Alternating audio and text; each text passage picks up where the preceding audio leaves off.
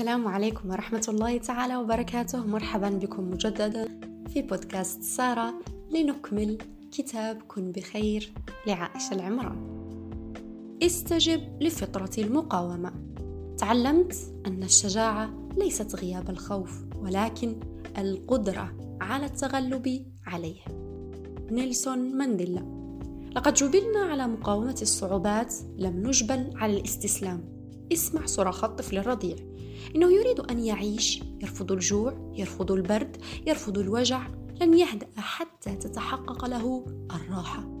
انظر لملايين البشر يوميا وهم يذهبون لأعمالهم في الصباح مهما ساءت أحوالهم الداخلية.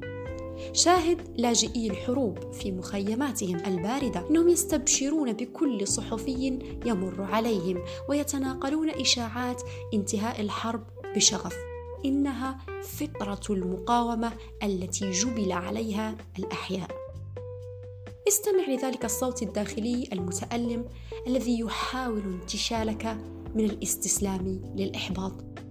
إن سر انزعاجك الشديد من وضعك هو إيمان فطري بأنك لا تستحقه وبالفعل كلنا يستحق الخير.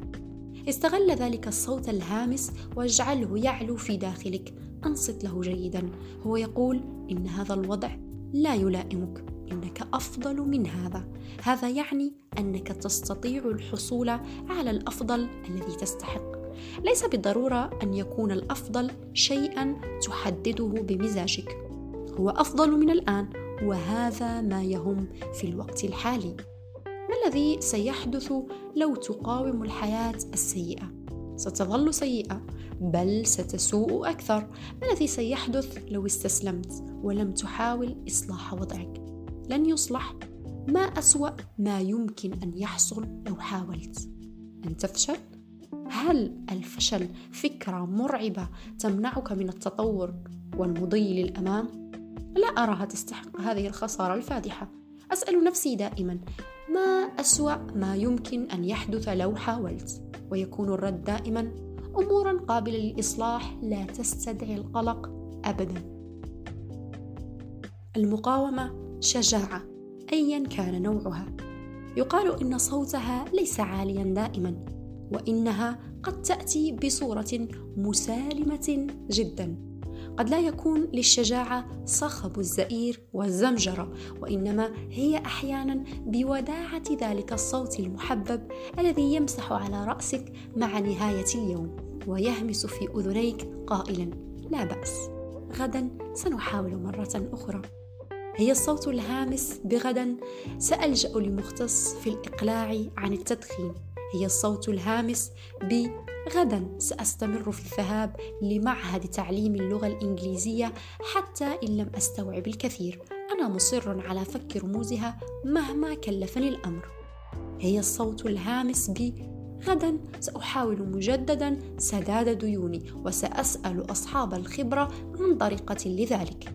هي الصوت الهامس ب غدا سأستكمل البحوث عن وظيفة أخرى. هي الصوت الهامس ب غدا سأستكمل البحث عن وظيفة أخرى ترضي طموحي وتعالجني من الإحباط. إن مر بك في يومك فشل أو فلنسميه تحديا فستحدثك نفسك إما بالاستسلام والتنازل عن الهدف أو بالشجاعة المتمثلة في عزمك على مواجهة ذلك التحدي مجددا في اليوم التالي.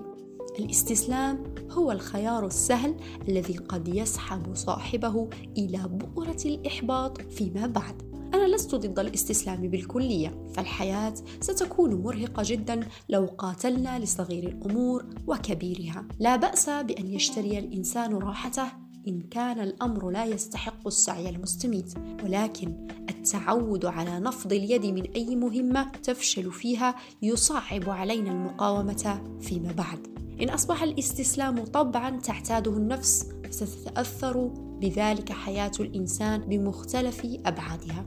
الحياة الكريمة تستحق أن نقاوم عقباتها بين حين وآخر كي لا تنطفئ جذوة الروح.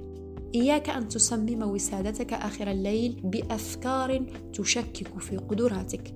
إن نمت حزينا فلن تصحو سعيدا مهما بدت أصوات العصافير مغرية بالفرح اعلم أن الوسادة هي ليست إسفنجة تمتص كل هذه السلبية وإنما هي مرآة تعكس ما تبثه لها وتحفره كل ليلة في داخلك. وبعد أن تشرق شمس الصباح سيكون ذلك البوح جاثما على صدرك تحمله معك ويراه الآخرون في عينيك. رآه ذلك المسؤول الذي أجرى لك مقابلة الوظيفة ولم يتصل بعد ذلك. رآه صديقك الذي ضحك بعد أن أخبرته أنك قد تركت التدخين رآه مديرك وهو يرفض طلبك الذي قدمته على استحياء. كيف تريد منهم أن يؤمنوا بأهدافك وهم يرون عينيك تكفران بها؟ نحتاج أحيانا أن نلزم أنفسنا بمحاولات لا نضمن مدى فعاليتها وكأننا نسير في طريق لا نستطيع أن نرى نهايتها.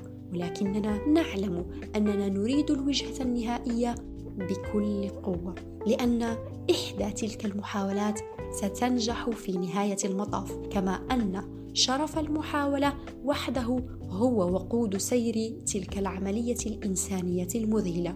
فأن تحاول وتفشل خير من أن تمضي بقية عمرك متسائلا فيما لو كنت ستنجح لو حاولت أكثر.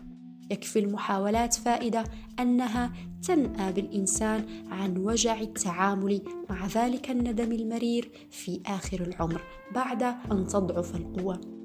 ولا يملك القلب الطاقة الكافية للتحسر على ما لم يتحقق لمجرد أننا تنازلنا عنه مبكرا. تأكد أن الله لن يكلفك ما لا تطيق. كن بخير.